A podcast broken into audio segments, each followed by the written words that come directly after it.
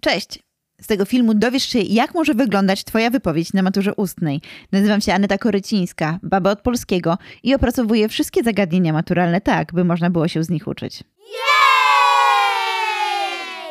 Odpowiedź na pytanie o konflikt jako źródło literackiego obrazu wojny, w którym trzeba się odnieść do Iliady Homera, może wyglądać tak. Najpierw wstęp. Ludzkość od zawsze rozwiązywała konflikty siłą. Uznawano, że prawo do stanowienia mieli ci, którzy byli w stanie pokonać przeciwników w walce. Przyczynami sporów między określonymi grupami były m.in. ziemie, podboje oraz religia, nawracanie na chrześcijaństwo, dżihad. W literaturze przedstawiano jednak także inną przyczynę wojen konflikty międzyludzkie. Historia wojny trojańskiej ukazuje oblicze wojny nastawionej na całkowite zniszczenie. Spiętrzenie konfliktów doprowadziło do gniewu Achillesa, co dało początek wojnie, której konsekwencją była zagłada Troi. Przejdźmy teraz do rozwinięcia, w którym tym razem odwołam się najpierw do kontekstu. Genezą wojny trojańskiej było porwanie Heleny, najpiękniejszej kobiety świata, żony Menelaosa, króla Sparty. Aby zrozumieć przyczynę tego konfliktu, należy zwrócić uwagę na mitologiczną historię sporu zapoczątkowanego przez Eris, boginię niezgody. Kiedy bogini nie została zaproszona na zaślubiny Peleusa i Tetydy, w akcie zemsty rzuciła na stół jabłko z napisem dla najpiękniejszej. Między Herą, Ateną i Afrodytą wybuchł konflikt, w który bali się mieszać pozostali bogowie. Z tego względu Zeus wyznaczył do rozstrzygnięcia sporu Parysa, Każda z bogiń usiłowała przekupić młodzieńca. Hera obiecywała mu władzę, Atena mądrość, a Afrodyta najpiękniejszą żonę. Parys wybrał Afrodytę. Zgodnie z obietnicą dostał Helenę. Jednak ona miała już męża.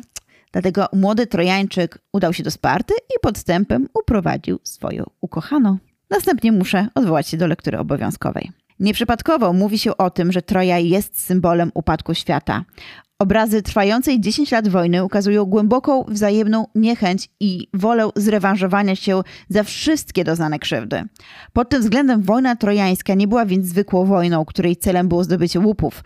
Był to konflikt nastawiony na całkowite zniszczenie.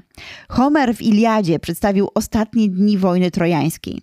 W walki byli zaangażowani zarówno ludzie, jak i bogowie. Atena, Hera, Posejdon. Oni sprzyjali Grekom, natomiast Ares i Afrodyta opowiadali się za Troją. Przedstawione w eposie dzieje wynikały z licznych konfliktów, począwszy genezę wojny, czyli sprzeczki między boginiami o miano najpiękniejszej i sporu o Helenę oraz próby jej odzyskania, aż po kłótnie Agamemnona z Achillesem o kobiety. Agamemnon porwał Chryzeidę, kapłankę Apolla, musiał ją zwrócić, ale w zamian zażądał Bryzeidy, kochanki Achillesa. Zbuntowany Achilles przestał wspierać Greków, wskutek czego jego przyjaciel Patroklos założył zbroję Herosa, aby zdemotywować Trojańczyków.